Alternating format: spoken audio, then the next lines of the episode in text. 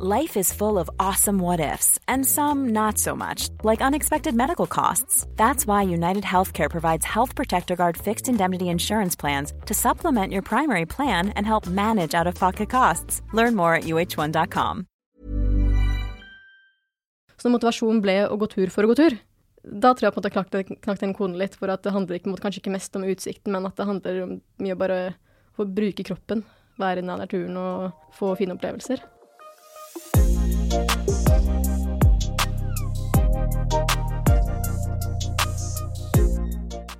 Hei og velkommen skal du være til Input.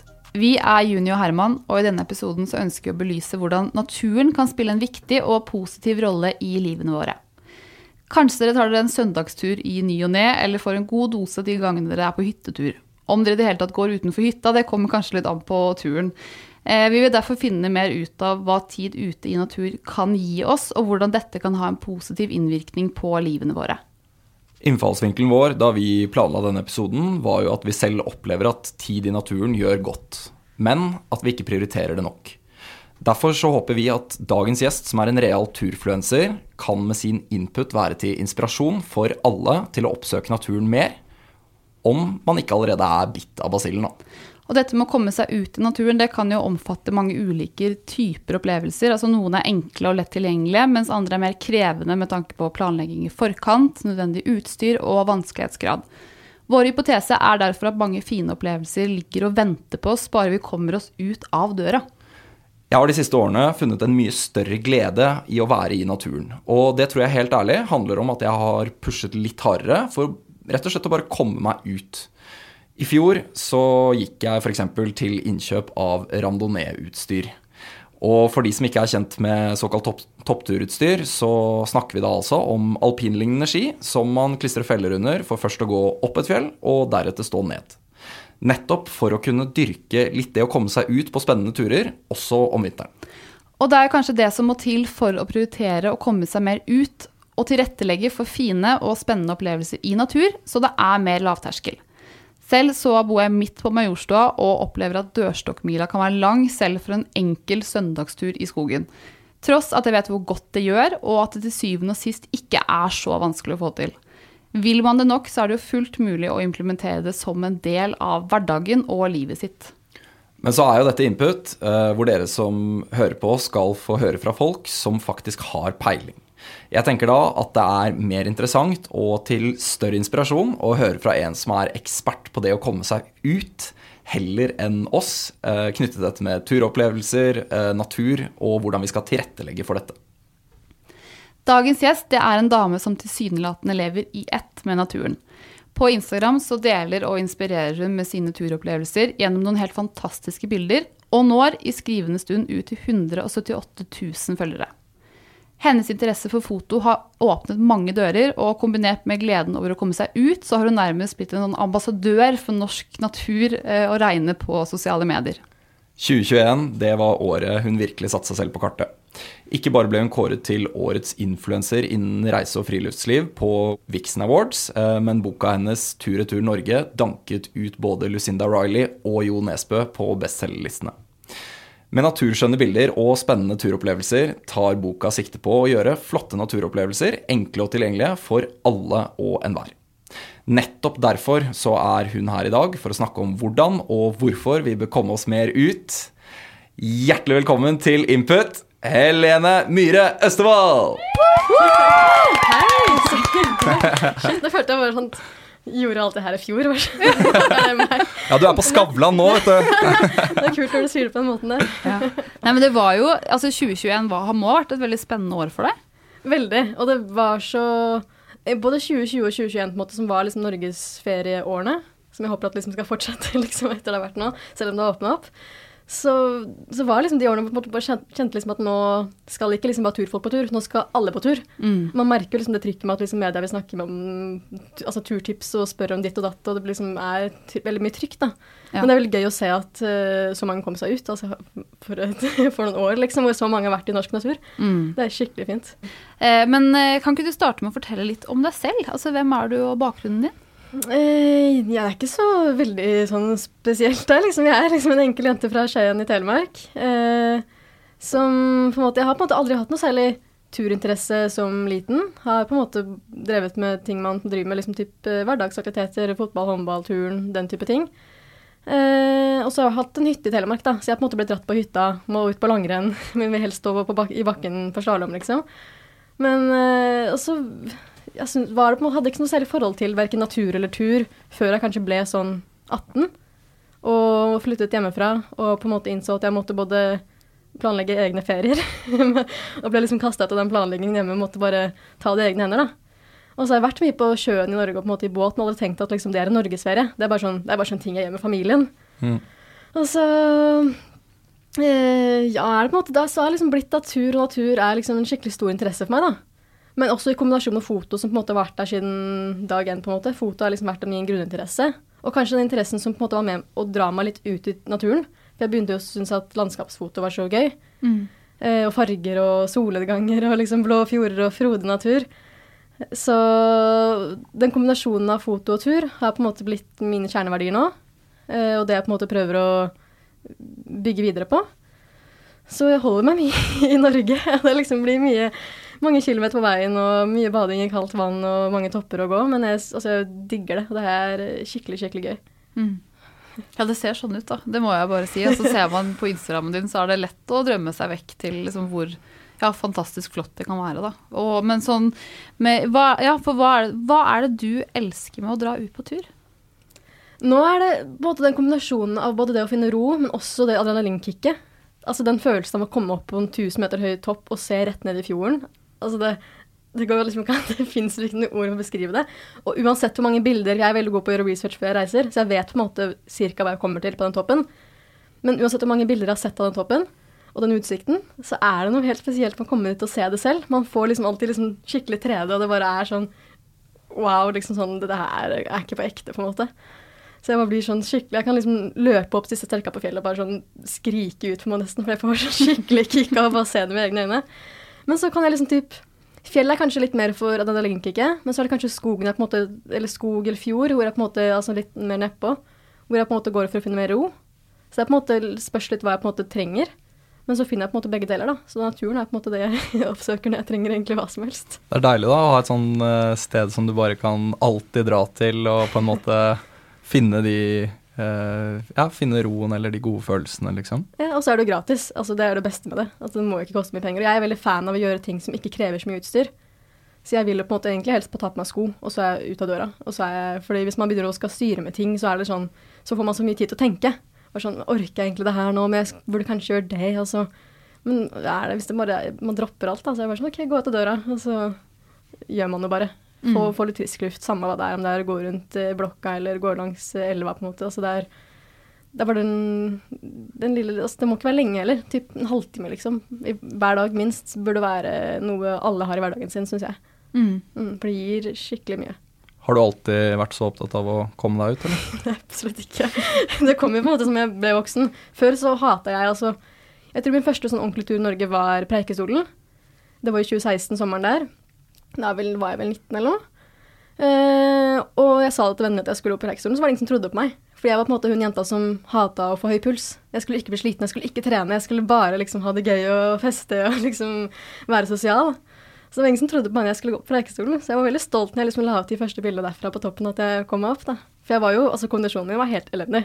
Det er nok litt godt for andre å høre at man ikke må begynne med en sånn voldsom interesse i bånd, kanskje. Fordi det kan jo oppleves kanskje krevende for de som ikke har så mye erfaring, da, som du selv er inne på. At det er et annet med å bare komme seg dit og begynne, da, rett og slett. Ja, for det er ikke bare bare å bestige et fjell. Altså jeg føler meg, altså Etter hvert, selv om jeg går så ofte tur nå, så etter hver, altså hver gang jeg kommer på toppen, så er det sånn Shit, kroppen min har liksom båret meg helt opp hit. Jeg står nå liksom på typ 500 høydemeter da, og ser ned på utsikten, og så bare Her kommer jeg liksom godt opp.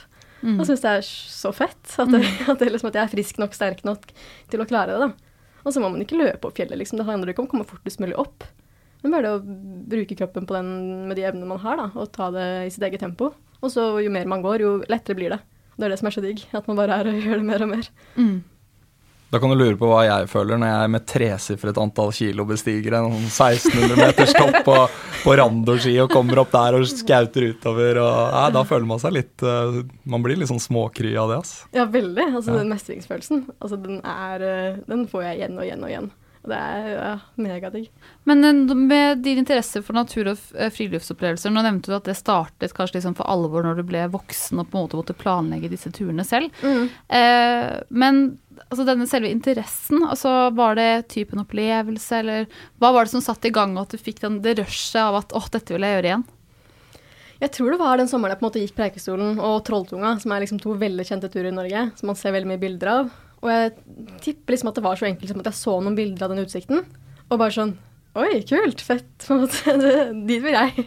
Det er så fint, for jeg likte jo foto, og syntes det liksom virka interessant å liksom dokumentere det, da. Men så Preikestolen var på en måte én ting, men jeg tror veldig mange ikke tenker over at Trolltunga er en hard tur. Altså Det er en åttimers tur retur-retur, og det er, det er fire timer oppover, og det er bratt. så det er jeg var, ble litt sånn satt ut når jeg liksom kom dit og var sånn Oi, vi skal, skal gå så mye. Heldigvis så gjorde det på en måte som en telttur, så vi gikk, delte det på en måte opp halvveis. Du opplevde etter det at du ble litt bitt av basillen, rett og slett? Ja, jeg hadde på en måte de turene, og så kom jeg hjem, og så bodde jeg i Oslo da. Så jeg prøvde på en måte å finne lignende turer i Oslo.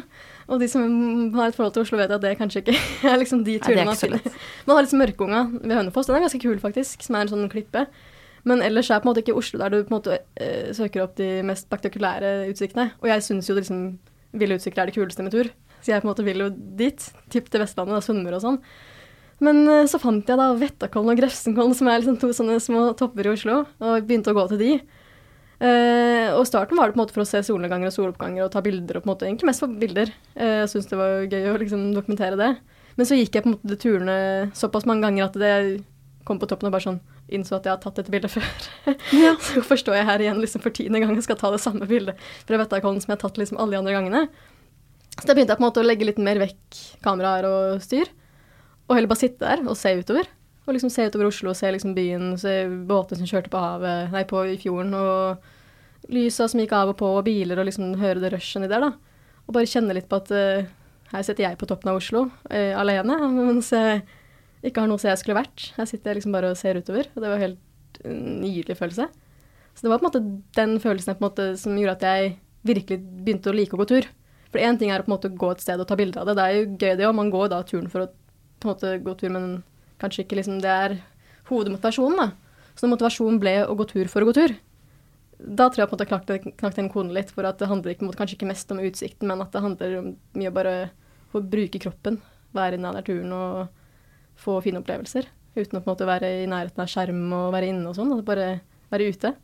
Det som jeg i hvert fall har kjent på, da, sånn når man er på tur og, Mm. altså, sånn, Jeg snakker ikke med sånn lang og bred erfaring, men sånn fra de siste årene. Det som er kult, er hvis du befinner deg helt alene sammen med turfølget ditt. da. Ja. Eh, men at du er liksom Det er dere, to, tre, fire personene, som er de eneste som er på det stedet akkurat på det tidspunktet. Er ikke det kult? Det er dritkult. liksom dritkult. frysninger når du sa det nå, for Ja. jeg syns det er så kult. Det er dritkult. Det Ja. Og det er liksom Alle kunne vært der, men så er det ingen som er der akkurat da, bortsett fra deg. Jeg, virkelig, jeg bor jo i Lofoten nå, og jeg har liksom så ofte siste tiden hvor jeg har stått på et fjell og sett den villeste solnedgangen på en måte med Lofotfjellene liksom dekket i snø og bare sånn What? Og, tenk, og så bare tenkte jeg sånn Nå er jeg den eneste personen i hele verden som står her på kanskje et av verdens fineste steder og opplever dette øyeblikket. Altså, hvorfor er ikke alle her? Hvor er alle sammen? Men øhm, altså, hvordan På en måte åpenbart det er, Du har jo denne boken din, ikke sant? Men hvordan endte du liksom med å kunne da For du, du lever av foto av natur nå, eller?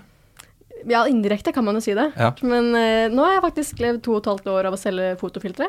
Sånn hovedsakelig. Det er på en måte det jeg lever av. Ok, fotofiltre. Hvordan, hvordan selger man et fotofilter? Sånn profesjonelt sett heter det presets i Ja. Lightroom, som er en sånn redigeringsapp som veldig mange bruker. Samme, som, altså samme utgiver som Photoshop, Adobe, da. Men mer liksom på fargekorrigering og typ liksom fik fikse farger, lys, sånne småjusteringer, da. Ganske manuelt. Og så er det på en måte 100 ting man kan justere på. Så i stedet for at folk skal liksom sitte og liksom pusle på at her kan jeg sette tall fra 0 til 100, hva er best, på en måte, så kan du kjøpe et filter av meg, på en måte, og så har jeg på en måte gjort det ferdig. Ikke sant? Så er det på en måte som en mal eller en base. Så jeg sparer meg for en og en halv time med pusling Fikling, ja. ja. Og så er det på en måte veldig mye tilpassa natur, for jeg tar jo mest naturbilder. Og egentlig er jeg tilpassa mobilbilder, for jeg vet at folk flest tar bilder med mobil på Mm. tur. Og så trenger man egentlig ikke noe særlig mer enn en mobilkamera i dag, for det er så bra.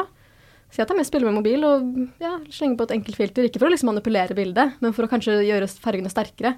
For det er ofte jeg opplever at jeg Når du står og ser på en solnedgang, da, og så knipser du et bilde, og så ser du på det bildet etterpå bare sånn Det var mye finere enn det her. på en måte. Det var ikke sånn jeg opplevde det. Mm. Så bare liksom få liksom gjenskape det øyeblikket man kjente der og da, da, i bildet, er på en måte det jeg prøver å få frem. Og det Mm. syns jeg er kjempegøy.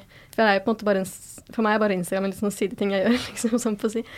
Men jeg har jo på en måte skjønt at jeg har påvirkningskraft. Og det, så håper jeg da at jeg kan bruke den påvirkningskraften til å gjøre noe positivt. Yes! Ja. Bra svar, ass. Jævlig bra svar. Og så er du her, ikke sant, og vi bare ja, det er bra. Her Forhåpentlig så man kan spre det litt ut til, til unge, da, og rett og slett ta og oppfordre til turglede fremfor liksom, ja, forbruk, som du sier. Ja, ja, for tur skal ikke handle om utstyr. Altså, det er så mange som er så, er så Jeg tror Norge er Jeg tror jeg har lest at liksom Norge er enten det landet eller en av de landene som bruker mest penger på friluftsutstyr i verden. Og ja, vi går mye på tur her, men altså, vi trenger jo ikke ti allværsjakker og liksom 18 par sko for å gå tur. Det er så mye fokus på utstyr, og da vil ikke jeg være den som promoterer at du må kjøpe liksom alt dette utstyr. da. Jeg vil heller promotere at uh, det er godt med det du har, og så det viktigste er at du kommer deg til døra, og så kommer det andre etterpå. Ja, for altså, I forbindelse med det, hva er det mest nødvendige som muliggjør mange fine opplevelser av turutstyr? Jeg vil si det er egentlig ganske lite. Altså, nå er det ikke det vanligste. Nå er på en måte gå dagsturer, og ikke på ekspedisjoner. Det gjør ikke jeg engang. Altså, altså, jeg er veldig lavterskel på turgreier. Jeg sover jo i bilen og vil helst ha det veldig komfortabelt. Jeg, men jeg tenker at det viktigste er at man holder seg varm og tørr, og har godt fottøy. Jeg vil si jeg sverger til ull, bruker alltid ull, for det er varmt selv om man blir våt. Så er det liksom varmere på en måte uansett, da. Og en vindjakke. Vindjakke, altså du må Ja, vind finner man nesten overalt i Norge, og det kan plutselig komme. Så det er alltid liksom noe regntett, vindtett og varmt tøy. Da er man good to go. Og det kan være bestemors gamle ulltrøye, Ja, er ikke du gæren? Altså, de beste utstyret jeg har, det er mormors arvede gamle gensere. Og det er på en måte de genserne jeg får flest spørsmål om hvor er fra. Og det er på en måte da, Både dessverre, men heldigvis, så kan jeg si at det går ikke an å få tak i lenger. Da må du gå på Tice eller Finn og se om du finner noe lignende. For det går ikke an å kjøpe det. Og det syns jeg er jeg, altså Når folk spør om eh, plagg jeg har som går an å kjøpe i butikk, så føler jeg på en måte på den, på den skammen at nå kanskje de går de og kjøper dette plagget fordi jeg har det. Så jeg syns det aller diggeste når jeg kan si sånn Nei, dessverre, det, denne, akkurat denne utgaven fins ikke, så du må finne noe lignende. Gjerne brukt.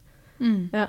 Men om, hvis man først skal ha nytt Altså hvis man hva skal jeg si, skal gå en tur hvor man trenger utstyr, særlig på de litt mer eh, avanserte, da, da blir det jo veldig fort kostbart. Og som du har vært litt inne på nå, sånn Hva er tankene dine rundt dette? Altså kjøpe brukt, eh, liksom leie versus å eie. Altså er utstyr like bra brukt ofte? Ja, det vil jeg si. Nå er jo, jeg tror at de fleste som selger brukte ting, selger jo på en måte med en sunn fornuft. Man vet det på en måte, altså man selger jo ikke hva som helst. Uh, så jeg vil si at altså, av det hva jeg har sett, da, så er det meste som selges brukt, er uh, funksjonelle klær, ikke som er ødelagt og masse filler og sånn. Jo, og så er det mange som selger eh, altså helt nye ting. At folk har kjøpt feil størrelse eller fått noe gave som de ikke bruker, eller ikke er så fan av den fargen lenger. Altså sånne type ting da. Så det finnes jo veldig mye som er nesten nytt eller helt nytt brukt, men altså med lappen på til og med. Og det er nesten en skam at liksom det finnes så mye ute som er helt nytt. Eh, så sånne ting kan man jo, hvis man er på en måte litt skeptisk, da. Men de aller fleste ting kan man fint kjøpe brukt. Jeg ville kanskje vært litt skeptisk til typ hjelmer og sånn, og ting som skal på en måte være forebyggende for skader eller når man faller og sånn, for da, kan det, da vil jeg heller kjøpt av noe som, har, som du stoler på, da, hvis det er brukt av det. Men ellers så vil jeg si at det aller meste kan kjøpes brukt, og med god grunn. Og man altså, sparer så mye penger, og sparemiljø, og det er så mye gode grunner. Eh, ellers så er det jo Bua, som er et alternativ man får lånt gratis, er jeg ganske sikker på. Som, er ganske, som ligger på en måte flere steder i Norge, Norge eh, nord også, hvor man får lånt gratis både utstyr og ting. Eh, og DNT har utlån, og jeg tror liksom Bergans også. Det er, er så mange muligheter da, for å låne eller leie. Eller kanskje du kan låne av venner og familie. Det er, ja, det er et hav av muligheter da, hvis man bare planlegger litt og vet litt hva man ser etter. Mm. Mm. Det er kanskje det som er litt nøkkelen. På, på, Så lenge man har en plan, så Ja. lar det seg gjøre. Men hvis man skal gjøre det på dagen, det er vel ofte der det skorter litt for mange. At man skal bestemme seg så fort og ikke planlegge kjøpene. Og da blir det fort at man går til en butikk isteden, kanskje. Så, så, sånn som du sa, Herman, med mm, Du kjøpte randonee-utstyr i fjor. Ja. Eh, og da er det på en måte fort vekk at, at man, man plutselig vil ha det. da. Kanskje ser at vennegjengen skaffer seg det, og så vil man bare ja, men vi ha det nå. Vi skal på hyttetur til helga. Så er det sånn ok, men jeg har ikke tid til å finne brukt, så jeg må, da stikker jeg på, liksom, på Bråsport og kjøper helt nytt. Alt, altså, alt nytt, for jeg trenger det akkurat nå. Og da da liksom, da, det er jo på en måte, det er, det er jo en vei man kanskje liksom Man vil jo helst kjøpe det brukt, kanskje. da. Altså, da altså Man sparer penger, og det er mer lønnsomt, og det finnes så mye ute brukt. Men man rekker på en måte ikke kjøpe det brukt hvis man skal ha det om to dager. Og begynne å planlegge litt og begynne å følge med. Kanskje lagre litt søk på Finn og Tice og se hva som fins. Så man på en måte heller kan gjøre litt mer eh, bærekraftige, langsiktige kjøp enn å bare spontankjøpe fordi man trenger det til helga. For det tror jeg veldig mange brenner seg på, at man skal nå på sin første telttur eller hengekøytur, og så da trenger man det og det og det. Og bare går og kjøper alt på liksom en sportbutikk.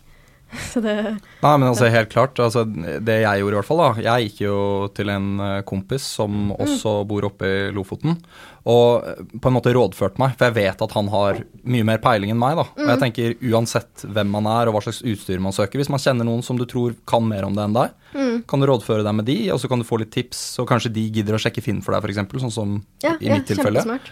Og så ble jeg foreslått eh, to-tre alternativer som passet i lengde og bruksformål og i det hele tatt. Og så var det en av de som lå eh, like utenfor Oslo, da. Så digg guiding. Bare få det rett til. Så dro jeg, dro jeg kjøpte ski med 10 000 kroner rabatt ut ifra hva de hadde kostet nypris. Liksom. Litt, litt slitte, men helt brukende i mange, mange år. Ja, ja, funker lenge. Supert. Mm. Også det der med forhold til at ting er slitt, så er det sånn ok, hvor ofte skal du egentlig bruke det selv? Og si at det er Mm. slalåmutstyr, og så står det på slalåm én gang i året, så er det sånn Ja, det er litt brukt, men så du, Hvor mye skal du bruke det selv? Altså, Ja. Da tenker jeg at da Ja, da har du ingenting å si, da. Nei, og det holder massevis. Og så finner man en jakke på Finn eller Theis som, eh, som har et hull, så er det null stress å fikse det og reparere. Og så tror jeg nå at veldig mange, altså jeg tror Helsport, Norrøna og Bergans eh, i hvert fall, har reparasjon av klær. Og Bergans også har en sånn panteordning hvor de på en måte, du kan, du kan levere inn klær, og så får du på en måte rabattkode. Altså, hva slags klær, det må ikke være Bergans-klær engang, men hva slags klær av filler da, og uh, tekstil som de kan bruke Uh, altså, så det på en måte går i en sånn sirkel at de måte, det blir ikke rest av, altså, avfall av det. Så det bare Ja. Fordi altså, ikke sant, Det du sier nå, da, eh, det støtter jo på en måte veldig opp under en sånn her sirku sirkulær økonomi. ikke sant? Og dette med uh, respekt for miljøet, og at liksom man prøver å eliminere litt den bruk-og-kast-mentaliteten. da. Eh, og jeg regner med både dette her med BUA, som på en måte er en mulighet til å ut, låne utstyr, eh, og disse initiativene du snakker om nå. Jeg regner med det faller en na naturelsker sitt hjerte nær, kanskje? Ja, veldig. veldig, veldig. Og jeg ser på en måte at dette fokuset har blitt større og større. Og jeg ser liksom at de uh, aktørene vi har i Norge da, som driver og selger den type utstyr, skjønner at de på en måte må føye seg etter forbrukerne. For forbrukerne i dag er, spesielt unge, er mer og mer opptatt av klimavennlige valg.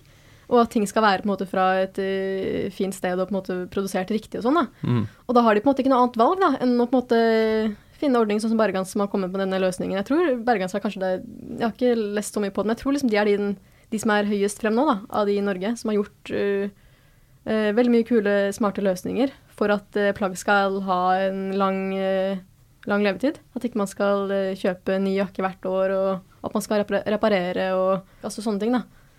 Bare ha det på en måte i en sånn ja, som du sier da, som at det blir en sirkel, at alt bare går rundt og rundt og rundt. At de skal, ingenting, skal kastes. Altså, et tekstil skal ikke kastes noen gang, det skal, kan jo brukes øh, så hvor mange ganger, på en måte. Så det er gøy å se at det skjer litt endringer, for det trengs virkelig.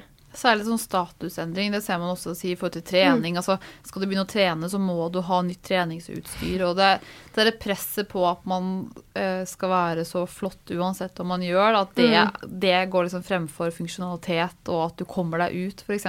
Ja. tenker jeg at det er jo i så fall superfint hvis vi faktisk nå klarer å snu litt på det fokuset som har vært før. Da. Ja, altså ikke noe mot teknisk tøy, men jeg har jo på en måte, altså det, de klærne jeg på en måte har som jeg er mest fornøyd med, er jo de gamle klærne.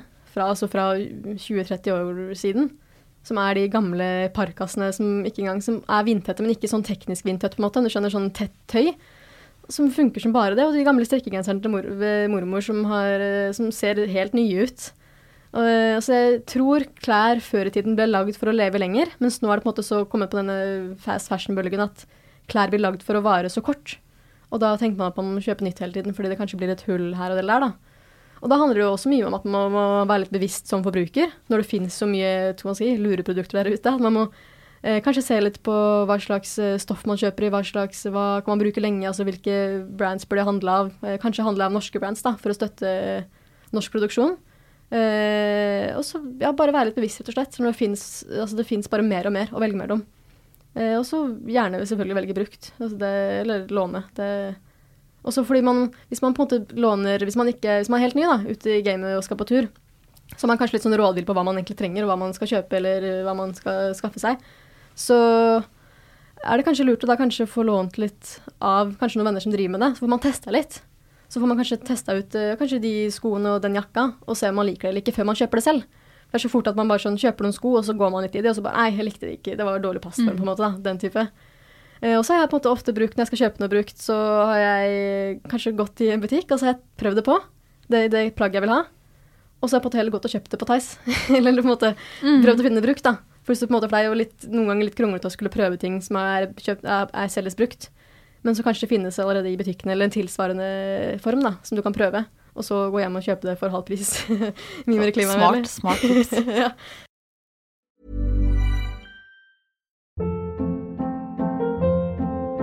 Hold up. What was that? Boring. No flavor. That was as bad as those leftovers you ate all week. Kiki Palmer here, and it's time to say hello to something fresh and guilt-free. Hello Fresh. Jazz up dinner with pecan-crusted chicken or garlic butter shrimp scampi. Now that's music to my mouth. Hello Fresh. Let's get this dinner party started. Discover all the delicious possibilities at hellofresh.com.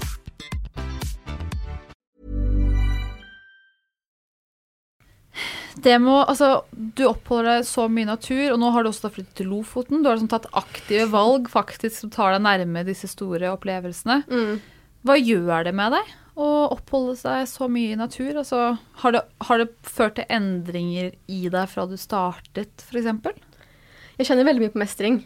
Eh, jo, eh, altså, jo flere fjell jeg klarer å gå opp, og jo raskere, på en måte, typ, da, hvis jeg tar tiden på og skal liksom løpe opp et fjell fortest mulig, jo gøyere syns jeg det er. Altså, mange får kanskje mestringsfølelse av å løfte så og så tunge vekter på treningssenter, mens jeg får liksom den mestringsfølelsen av å nå toppen av et fjell da, innen så og så lang tid eller raskere enn sist. Og det syns jeg er skikkelig gøy. Så det er på en måte blitt, naturen har på en måte blitt min form for trening, men også den, det stedet hvor jeg går for å få ro. Så det er så mye, og så jeg kan gå for å lage mat. Så det er så mye jeg på en måte gjør i naturen, som på en måte jeg gjør uansett i hverdagen. Så hvorfor ikke bare gjøre det ute? Så jeg kan fort sette meg liksom, hvis jeg er vindstille, kan sette meg utenfor, altså ute og jobbe på Mac-en hvis jeg vil det, eller ja, trene, gjøre yoga ute, gå tur, lage mat, eh, sitte med folk. ute. Altså jeg prøver egentlig bare å bruke mest mulig tid ute. Uh, og Lofoten er ikke, på en måte ikke det verste stedet å gjøre det på. Det er, altså jeg har lært at det er en hard vinter, så jeg har på en måte kanskje håpa på at jeg skulle være litt mer ute enn det har vært. For det har vært liksom veldig Det er jo stormfullt, og det er mørkt. Men uh, da har jeg på en måte lært det. Og så er det Ja, det er tilbake til det det handler om at eh, for meg er det på en måte både ro og adrenalinkick, da. Så jeg får så mye av å være ute, om det på en måte er det ene eller det andre. Og så er det på en måte Det er jo sjukt mye forskning på dette her, nå kan ikke jeg liksom dette her sånn konkret, men det er jo så mye forskning på at man reduserer stressnivået, og man tenker klarere, og det er bra for helsa å tilbringe så og så mange eh, minutter ute på en måte hver dag. Så det er så det er jo, Jeg har aldri lest noen forskning på at det å være ute er dårlig. Det er ikke dårlig. Altså, det, det, det har du rett i. og, og det, enten det er bare å være ute, men også det, altså når man er ute, så er det ofte i forstanden at man beveger seg. Og det er også kjempebra for folkehelsa sin del. Så altså det er, jeg finner ikke noe dårlig ved det, og da hvorfor ikke bare gjøre mer av det? Og det virker jo litt som at det har egentlig påvirket flere, altså flere aspekter ved det, og i forhold til verdigrunnlag, f.eks. Når vi Mm. snakker om i forhold til klær og forbruk, og at det preger vel på en måte alle aspektene av livet ditt, kanskje, i noen grad? Ja, for det hadde vært litt ironisk om jeg på en måte eh, digga å kjøpe masse nye klær, og så skulle jeg ut og gå tur i naturen etterpå. For det, det henger på en måte sammen på en eller annen måte. Du kan ikke på en måte Altså det er litt skal jeg si, man skal kalle det liksom litt dobbeltmoralsk hvis man liksom skal eh, ja, gjøre det på den måten. Altså det er, man, når man er mye ute, så tror jeg man får mer interesse og motivasjon til å på en måte gjøre livet grønnere generelt. Da vil jeg på en måte leve så grønt som mulig. Så jeg på en måte eh, spiser så grønt som mulig, altså prøver å reise grønt og kjøpe brukt og liksom bare Altså jeg er langt ifra perfekt. Jeg kjøper nytt, og jeg kjører mye bil, så så ikke minst rundt i Norge. Men i hvert fall prøve å liksom gjøre det litt mer kortreist, holde meg mye i Norge. og ta litt bevisste valg i hverdagen. Det er på en måte det det bunner i. Du legger ikke igjen plastemballasjen inn på fjellet, liksom? Nei, det prøver jeg å unngå. Det, absolutt ikke. Men det kan, jo, det kan jo nesten virke som det at altså Man ser jo det selvfølgelig, som du også har nevnt, så mange unge er jo mye mer opptatt av altså ta vare på naturen enn eldre, og det ser man i vanene våre osv. Men Mm. tror du at det er litt sånn fordi mange har mistet den tilknytningen til eh, natur, så glemmer vi også litt at vi bør ta vare på den i større grad i forhold til klimaendringer, og at mange fortsetter samme forbruket og har liksom de skylappene. Tror du at hvis vi var mer ute, så ville det endret litt hvordan vi ja, Ja, levde livet? 100% det tror jeg. Spesielt hvis man liksom går Nå har vi eh, har jo aldri opplevd at det er veldig mye forsøpling i naturen i Norge, heldigvis. Men er det når det kommer til sånn veldig kjente steder, som kanskje et par strender i Lofoten, så kan det være litt mer. Og da ser man jo, jeg tror at folk også, også som går der, både utenlandske og norske turister, legger merke til det. Eh, og ser det og tenker at det ikke er noe man vil se. Det er ikke noe som gir en positiv på en måte, Du tenker ikke at det er bra. på en måte, Det, det skal ikke være der. Det hører ikke hjemme. Ja, du, du var jo inne på det her nå at um, når du er på tur, så kan du finne forsøplede strender i Lofoten, selv om Lofoten er vakkert, ikke sant. Mm. Um, gjennom uh, diverse Instagram-kontoer, da, så er det jo veldig lett å få inntrykk av at liksom, det er så utrolig vakkert til enhver tid å være på tur. Så spørsmålet mitt er liksom Stemmer det at det alltid er bra å være på tur? Eh, Og da kan du gjerne ta med vind og vær også i betraktningen. Eh, Eller er det liksom et eh, Eller er bildet mer nyansert enn det vi nødvendigvis kun ser på Instagram?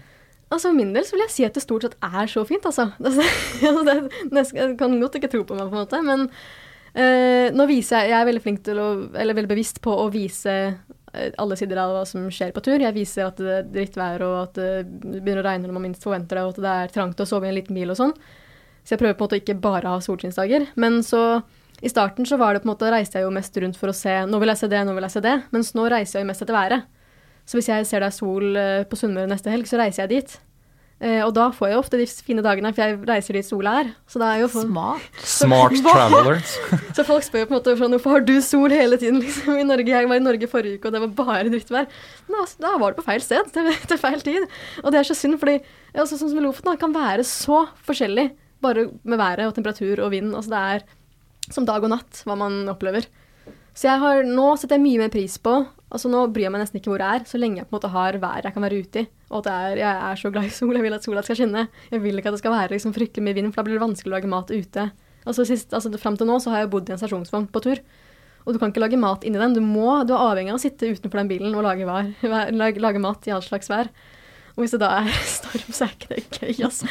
Så jeg eh, er glad i godt vær. Så jeg oppsøker det absolutt 100% alle ganger. Men du har vel, eh, du har vel sikkert eh, dratt på noen turer hvor det har snudd litt underveis? Ja, ja. Er det liksom Forbereder du deg på noen måte på at det kan snu, eller jeg, Altså, du nevnte dagsturer innledningsvis her. Men Ja. hvordan forbereder du deg eventuelt? Jeg er på en måte, nå, er, nå er jeg bare så innstilt på at går jeg en tur i Norge, uansett sesong, så kan det være fire årstider. Så bare pakk med alt man trenger av varme, altså spesielt på en lang tur. Jeg opplevde jeg gikk en snøhette som er, som er på sånn 2000 topp, eh, i Dovre for et par år siden. Og det var i juli, vel. Og på toppen der så var det snøstorm. Ja, nettopp. ja, så det, var, for det, det er på en måte spesielt eh, området rundt. For det er jo så høye topper vil jo på en måte tiltrekke seg et veldig sånn værskifte. Det er liksom noe, ja, ikke noe som jeg skjønner sånn teoretisk sett, men det er noen kompliserte greier der at det skifter fort, da.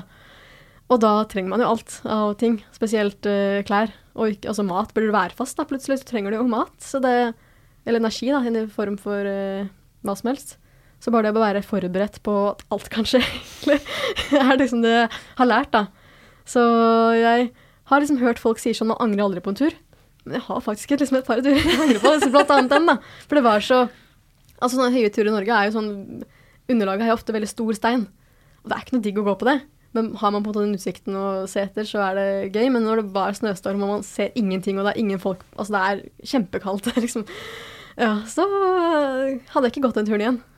Ja, og det er på en måte litt den skumle delen med Instagram, at folk deler så mye fine bilder fra alle de stedene. Fordi man ser kanskje et fint bilde fra Lovatnet, som var så sykt populært med det turkise vannet og de fjellene i bakgrunnen, at man forventer at det skal være like fint når man kommer dit selv. Mm. Men så var det kanskje den dagen var det kanskje helt blikkstille vann og varmt, og fjellene speilet seg i vannet. Og så kommer du dit, og så blåser det litt, og det er litt overskya, og så er det litt mer fargeløst. Og så blir man kanskje litt mer skuffa. Mm. Og jeg vil ikke at folk skal bli skuffa på tur i Norge. Så det er litt synd at måte, man bare ser de glansbildene, og da forventer at alt skal være minst like fint på ekte. Det har jeg på en måte opplevd selv, og at jeg har sett så fine bilder av steder, og så kommer jeg dit selv, og så Nei, det var ikke en regnbue fra den ene enden av vannet til det andre. Det, altså, sånne, sånne ting, da. Men det må man bare på en måte reise med liksom lave forventninger. Og kanskje ikke se så mange bilder av steder man skal til, men heller ha det som en sånn eh, overraskelse. Så kanskje man heller kan få litt uh, positive forventninger forventning istedenfor å ja, bli skuffa, da. For det er ikke noe gøy. Du er jo, Det virker som det er veldig enkelt for deg. på en måte. Du har et veldig enkelt forhold til det. da. Mm. Eh, Veldig sånn nedpå forhold til det å gå på tur. Mm. Men hva tenker du for de du vil anbefale å komme seg ut? Eh, hvordan kan man gjøre det enkelt å komme seg ut? Eh, utstyr, planlegging, mat, oppakning osv. Har du en, liksom, en sånn linje som du generelt kan anbefale? Jeg tror det hjelper veldig mye å ha pakka ting ferdig. Altså Det er fort gjort å komme hjem fra en uke, uke på tur, og så bare lar man sekken stå. Og så blir det liggende ekle matrester eller skitne, altså våt sovepose og sånne type ting. da. Og så skal man på tur igjen kanskje et par uker senere, og så er soveposen fuktig, og så er ting liksom ikke pakka ut, og det er, det er ikke innbydende da å komme seg ut. Så det å på en måte alltid ha sekken klar, eller pakka det man, altså basisting man trenger, da, som kan pakkes på forhånd, ha det klart, sånn at man først bare får uh, enten værglipp eller uh, tid til å komme seg ut, så er det bare å ta på sekken og gå. For det er så fort gjort at man begynner å tenke sammen. «Oi, Egentlig var det og det, og så burde jeg kanskje ikke det, men så blir det altså bare sånn fram og tilbake, da. Eh, for jeg tror det meste av eh, planlegging skjer jo på en måte før man går ut av døra. Og det er på en måte det jeg kanskje tror mange brenner seg på, at man bare blir sittende inne og gjøre så mye research og bare kanskje krisemaksimere litt ting, og det kan skje, og det kan være skummelt, og det kan være farlig, og sånne type ting. Men også er det Så fort man kommer seg til døra, så har man på en måte gjort det største steget. Det er jo den dørstokk, dørstokkmila. Den gjelder også her. Man skal jo være ute, og så fort man bare kommer seg ut, så blir jo ting til mens man eh, er på tur, da. Det, selv om det er kanskje planlagt for en uke på, i Jotunheimen, men så var det dårlig vær, så stikker du heller til Dovre, da. At uh, ting kanskje ikke blir som planlagt, men i det minste så kom du deg ut. Og sannsynligvis fikk du noen fine opplevelser. Kanskje det var litt hardt vær og sånn, men at man uh, At man uh, ja, senker forventningene og har ting pakka klart. Men hva er disse nødvendighetene som du nevnte i sted, at man bør ha pakket i den sekken? Kan du ikke gi oss altså, en liten innføring der i hva som er de nødvendighetene eh, som man bør ha pakket i den sekken? Ja, altså skal man på En dagstur er jo veldig lite. Da, med, altså, da er det bare noe drikke, kanskje litt energi, og noe, kanskje en ekstra genser eller jakke. Eh, ellers ganske lite. Eh, egentlig så lite som mulig. Ellers reiser jeg uten sekk hvis jeg skal på dagstur. Men er det på eller at man skal reise bort lenger, så er det jo typ stormkjøkken, så man kan lage mat. Eh, god, varm sovepose. Eh, telt, hvis man skal sove i det. Eh, og ekstra klær, ekstra sokker ikke minst, for å holde seg varm på føttene. Det er veldig viktig, skal man gå mye på tur. Eh, og så pakker jeg ofte med litt sånn basisting. Skal jeg lage mye mat, så bare pakker jeg liksom mer liksom, Jeg er veldig glad i å lage mat, så jeg pakker jo liksom med krydder og et sånn Så det er ikke sånn der bare turmat, sånn som Hva er det det heter for noe? Sånn, Real turmat. Real turmat, ja. Det, det, det er det verste jeg vet. det er det. Jeg spiser ikke. Nekter. Altså, det skjer ikke. Men hva spiser. man da? Nå, altså, nå går ikke jeg Jeg har gått én sånn langtur hvor man på en måte bor i sekken på langtur. Og du er på en måte avhengig av å ha all maten du skal spise i sekken. Og da på en måte gikk jeg for litt som litt Toro-poser og potetmos og den, den, den varianten. Men jeg har jo ofte, ting pakka i bilen, og da har jeg jo plass. Så jeg lager egentlig alt mulig mat jeg lager hjemme. Altså taco, gryter, pizza altså. Det er ikke grenser for hva man kan lage. Man har jo ikke stekeovn, men ellers så kan man lage det meste på primus. Og jeg setter gjerne av et par timer på kvelden for å lage mat, for jeg syns det er skikkelig hyggelig å sitte liksom, ved en fjord og kokkelere. Og bruke tid på det, hvis det er greit vær, da. ellers blir det kanskje litt enklere løsninger. Men så ja, så jeg er veldig glad i å pakke med sånne enkle ting jeg kan gjøre for å gjøre et måltid um, litt mer eh, spenstig, litt gøyere, litt mer smak, på en måte. Så jeg kan ha Altså når man går mye tur, så er jo mat kjempeviktig. Altså energi er megaviktig når man skal gå mye. Det må man få i seg. Så jeg prioriterer mat høyt på lista. Og bærer heller litt for mye mat med meg enn å bære lett. Men er man da avhengig av å ha bil? For, altså, for du, alle disse reisene vi snakker om nå, og selvfølgelig dette med mat og Mm. det, det virker som at eh, livet på tur er særs mye lettere hvis man har tilgang på bil. Er det, er det, sånn, ja. eller er det sånn at du tror man kan få gode turopplevelser også ved å ta andre altså reisemåter i bruk, kollektivt osv.? Det er, altså jeg er skyldig i å bruke mye bil, mest fordi jeg på en måte får så glede av å bare kunne være så fri. Og kunne reise dit sola er, på en måte, i, på en enkel og effektiv måte. Og kjøre på natta. Jeg, vil, altså det, jeg kan reise når som helst, da. Altså, kollektivt- Kollektivtilbudet i Norge er jo veldig bra. Så typ, man har jo Bergensbanen, Raumabanen og Dovrebanen, som er kanskje de fineste man kan ta i bruk for å komme seg på tur. Som stopper ganske fine steder, og hvor man på en måte kan da ta føttene, fatt og gå videre ut i naturen hvis man tar et av stoppene der, da. Uh, så det er på en måte ikke Man er ikke uh, 100 avhengig av bil, selv om måte, det er uh, digg. Eh, og så kan, man, så kan man ta tog til Bodø og ta båten over til Lofoten. Og så kan man typ, altså, Nå skal ikke jeg oppfordre til haiking, men haiking er en veldig populær greie i Lofoten. Fordi folk der er skikkelig greie. Altså, det er jo, I Lofoten er det bare én vei. Så når du går langs veien, så møter du på en måte på alle sammen. Du kan på en måte ikke gå feil. Uh, så jeg har plukket opp et par haikere selv i Lofoten, og det har vært uh, veldig hyggelig å høre liksom, deres historie og hvor de skal. Og, og det, de fleste sier at det har vært enkelt å få, uh, få sitte på med folk, for de fleste skal jo enten skal jo samme vei, for det er jo ikke noe, så mange veier. Nei. Så de sitter på det et par timer, og så er det hyggelig, og så går de videre. Så det Kult. virker jo Ja, det er jo Kanskje, kanskje liksom passe deg på å kanskje ikke sitte på med hvem som helst. Men jeg tror det også er en kul og ganske utfordrende møte, eh, en måte å reise rundt på. Absolutt. Og så ikke minst altså bare bruke beina. Dere, mm, eh, ta toget til eh, nasjonalpark eller fjellkjede og gå rundt på sånn, sånn langtur, da, som jeg gjorde i Rondane. Det var det er, man, det er en helt annen type mestringsfølelse når man klarer å skal si, overleve. så, For der bærer, der bærer du med deg på en måte all maten du trenger. Og du har på en måte ikke noe mer, for du vil jo ha lett sekk, da. Og da føler du på en måte at du må være sånn, veldig sånn sparsom på hvor mye mat du skal spise og hva du skal gjøre, for det blir litt sånn overleveringspunkt, på en måte. Men det er veldig kult. Mm. Så, og så kan du vel på en måte gjøre turen litt enklere for deg selv ved f.eks. å legge opp en rute hvor du går fra hytte til hytte. Ja, ikke sant? Det, Jeg vet ikke om vi har ja, ja. snakket så mye om det, og, men sånn i korte trekk da, så er, vel det, er det DNT, Den Ja. norske turforeningen. De har jo veldig mange turer som kalles signaturer, Mm. som er et sånne type hytte-til-hytte-turer. Eh, som er jo et genialt tilbud, herregud. Eh, for jeg har alltid tenkt på at eh, det er sånn som de gamle gjør. det er på en måte for pensjonistene. Jeg har alltid tenkt at liksom DNT er sånn pensjonisttilbud. Men så satt- jeg meg liksom litt ordentlig inni der det for noen år siden og bare innså hvor kul DNT er.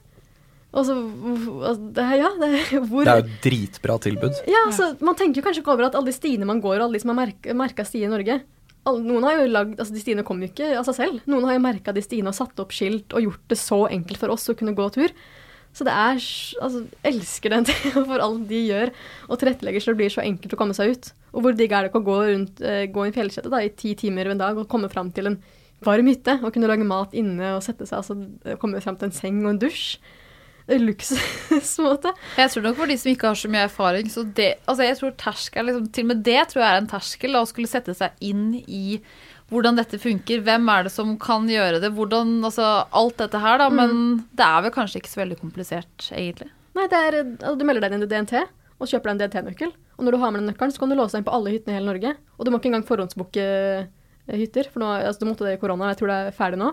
Og nå kan du bare gå et sted. Og du heldig, så du kan være uheldig at det er fullt på hytta, men det tror jeg sjelden skjer. Eh, og da kan du komme inn på hytta, så kan du sove der over natten, og så koster det ganske lite. Det spørs på hytte til hytte. Men er du medlem, så er det jo halv pris, tror jeg, på å bo der også.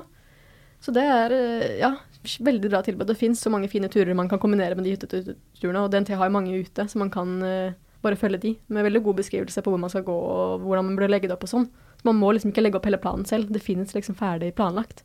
Det er jo bare å ta på seg skoa og sekken og gå ut av døra, da. Mm. Det høres jo det ut, da. Ja. Men av liksom alle turene du har vært på, da, hva, hva vil du trekke frem som det, ja, det flotteste du har opplevd? Hmm, jeg er veldig glad i de turene hvor, eh, som er dagsturer, hvor man på en måte går eh, en ganske god stund, gjerne oppover eh, på en dag. da. Typ, jeg har gått Romsdalseggen, som er en ganske populær, populær, tur i, i Åndalsnes. Nydelig. Eh, og hacka den på en måte litt, for den er sånn man, må på en måte, man starter på et sted og går til et annet sted, så det er, og da går det på en måte en shuttlebuss. Og da går veldig mange på likt, men så hacka vi litt og satte inn biler her og der, og da fikk vi gå den i fred. Og det å gå en sånn type tur i fred i solnedgang midt på sommeren, altså, herlo. Sjukt fint. Eh, så den, veldig fin. Eh, og Bakkanosi tror jeg kanskje er en av mine sånn topp favoritturer. Oh, du må si hva, hva, hva, hva, kalte du det? Bakkanosi i Aurland. Det, det, er kanskje, det er kanskje den villigste utsiktsopplevelsen jeg har hatt. For der går man opp gjennom en, først gjennom en frodig, nydelig dal, med ganske sånn slak stigning som alle kan få til. Så får det på en måte gå litt opp som steinur og bli litt mer sånn utfordrende i bratthet, men ikke noe sånn voldsomt, litt luftig. Og man kommer ut på tuppen der og ser rett ned i den er det, det, er, nå er ikke, det er Nærøyfjorden, ganske sikkert det er Nærøyfjorden, som er sånn UNESCO-fjord. på en måte Veldig kjent og flott fjord. og ser rett ned. Altså det går, det går nesten innover på en måte i fjellkjeden. Ikke, ikke rett ned, men nesten bare sånn bakover. Så du ser rett ned der. Og det er bare helt latterlig vilt å kunne ja, se det. Det er eh, skikkelig kult å kunne Når man liksom går så mange kilometer, da, og så kommer fram og får den, altså den gevinsten. Det er jo ikke noe bedre. Så du kjenner aldri på høydeskrekk, f.eks.? Jeg gjorde det veldig mye før. Okay. Veldig redd for å sitte på kanten og sånn. Mm. Uh, Å være nær kanten i det hele tatt. Jeg skulle liksom sitte, nesten sitte og holde meg fast i et tre lenger bak. for å bare føle at jeg hadde noe For du vet den der følelsen du får da, at bare sånn Men hva om kroppen nå plutselig bare hopper ut der? Ikke at jeg vil det, men at jeg, Mm. jeg bare gjør det. Eh, så jeg har vært veldig sånn krisemaksimert på den fronten, men så har jeg gått så mye tur nå at eh, det er ikke gunstig for meg å ha høydeskrekk, så jeg måtte nesten bare prøve å legge den fra meg. Så nå får jeg mer adrenalinkick og sitte nærme toppen og syns det er gøy. Eh, Så jeg vet liksom folk, jeg har fått et par meldinger av folk som blir provosert, kanskje, eller litt uh, voksne damer, da, som sier at hvorfor skal du sitte så nærme kanten, hvorfor skal du stå der på tuppen? Men hvorfor skal folk kjøre i 250 km i racerbil? Altså det, man søker adrenalin ulike steder, og det er sånn jeg søker adrenalin, adrenalin da, å sitte på kanten og føle litt på det, og jeg hadde jo ikke gjort det hvis ikke jeg hadde følt at jeg hadde kontroll. Men det føler jeg virkelig at jeg har. Og ja, ting kan skje, men jeg føler at jeg har kontroll og syns det er verdt det da, å få den opplevelsen fra det. Jeg tror det er motiverende for alle der ute som Jeg er, altså, jeg kan skrive under på den selv òg, i forhold til høydeskrekk og sånn. Det det er litt motiverende å høre at det faktisk kan bli bedre med tid, da, hvis man bare eksponerer seg nok. Jeg, jeg var, jeg var veldig ekstrem. Ja. Det, var, det er flere steder jeg har vært tidligere som jeg har kommet tilbake til, hvor jeg på en måte da kanskje første gangen ikke turte å gå i nærheten av hvor langt jeg turte å gå neste gang, og bare Oi, turte jeg ikke gå ut hit sist gang? Det er jo det går jo så fint. Så det, det kan virkelig kureres. Eh, og, men bare ja, gå flere turer og eksponere seg litt mer for det, men kontrollerbart, og føle at man gjør det fordi man vil, ikke fordi man føler at man skal ta det bildet. Da blir det på en måte med Mm. feil motivasjon. Ja. Du, um, Helene, jeg eh, tenker at uh, vi veldig gjerne har lyst til å høre sånn avslutningsvis uh, din beste input rundt det å komme seg ut når man har lite erfaring. Mm. Eh, gjerne gi lytterne våre tre konkrete tips for å komme i gang, Mm. uh, samt noen uh, lavterskel turopplevelser som alle kan gjennomføre. Mm. Eh, når det kommer til å komme seg ut, eh, så tror jeg det at man kan, altså Noe eh, som kan hjelpe veldig mye, er å finne seg en turvenn. Om det er en person du kjenner fra før av, et familiemedlem eller noen du blir kjent med for å gå tur med. Så gjør det så mye det å For man sitter der alene og vurderer om man skal, skal ikke. Men lager man planer med en konkret person, så er man på en måte to om det. Og gjerne man på en måte er på samme nivå, da, og begge skal ut og på en måte gjøre dette for første gang. Så er det så det blir dobbelt så enkelt når man klarer å dele litt på den, kanskje de, de skumle tankene man har rundt det. da. Uh, så hjelper det mye. Så det vil jeg absolutt anbefale. Det- og så syns jeg opplevelser er mye finere når man deler de. Uh, uansett. Også jeg vet at veldig mange er glad i å gå tur alene, men uh, det er jo veldig hyggelig å dele det med noen. Uh, og så eh, Ja, jeg tror det som veldig stopper veldig mange, er at man tenker seg på alt det utstyret man skal ha. At man kan ikke gå ut før man har det og det og det.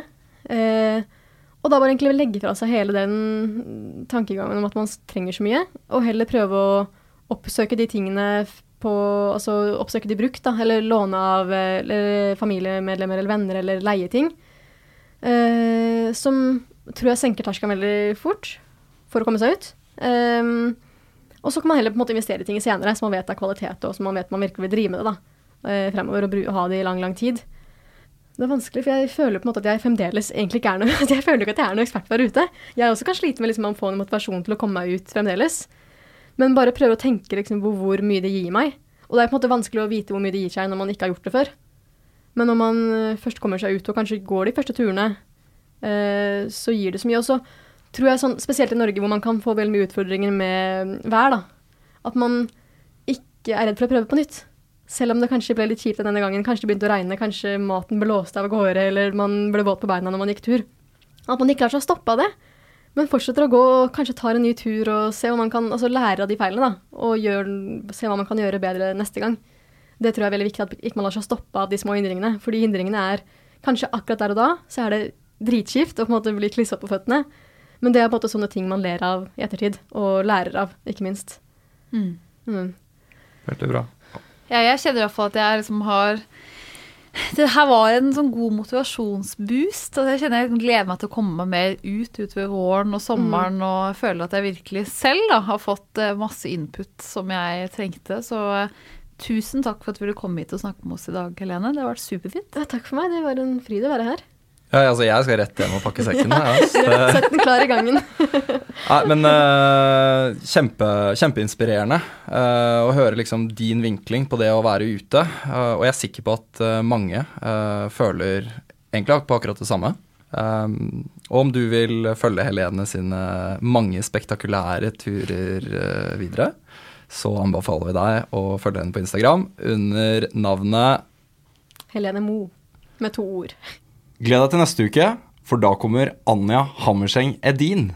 Tidligere håndballproff, nå coach. Denne våren så har du antagelig sett henne på 'Mesternes mester', og vi skal snakke med henne om hvordan vi kan tilrettelegge for å prestere vårt beste i f.eks. jobb, idrett eller skole.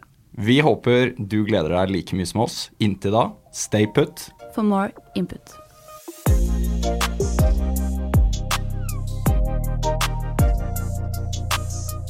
Eccentric people.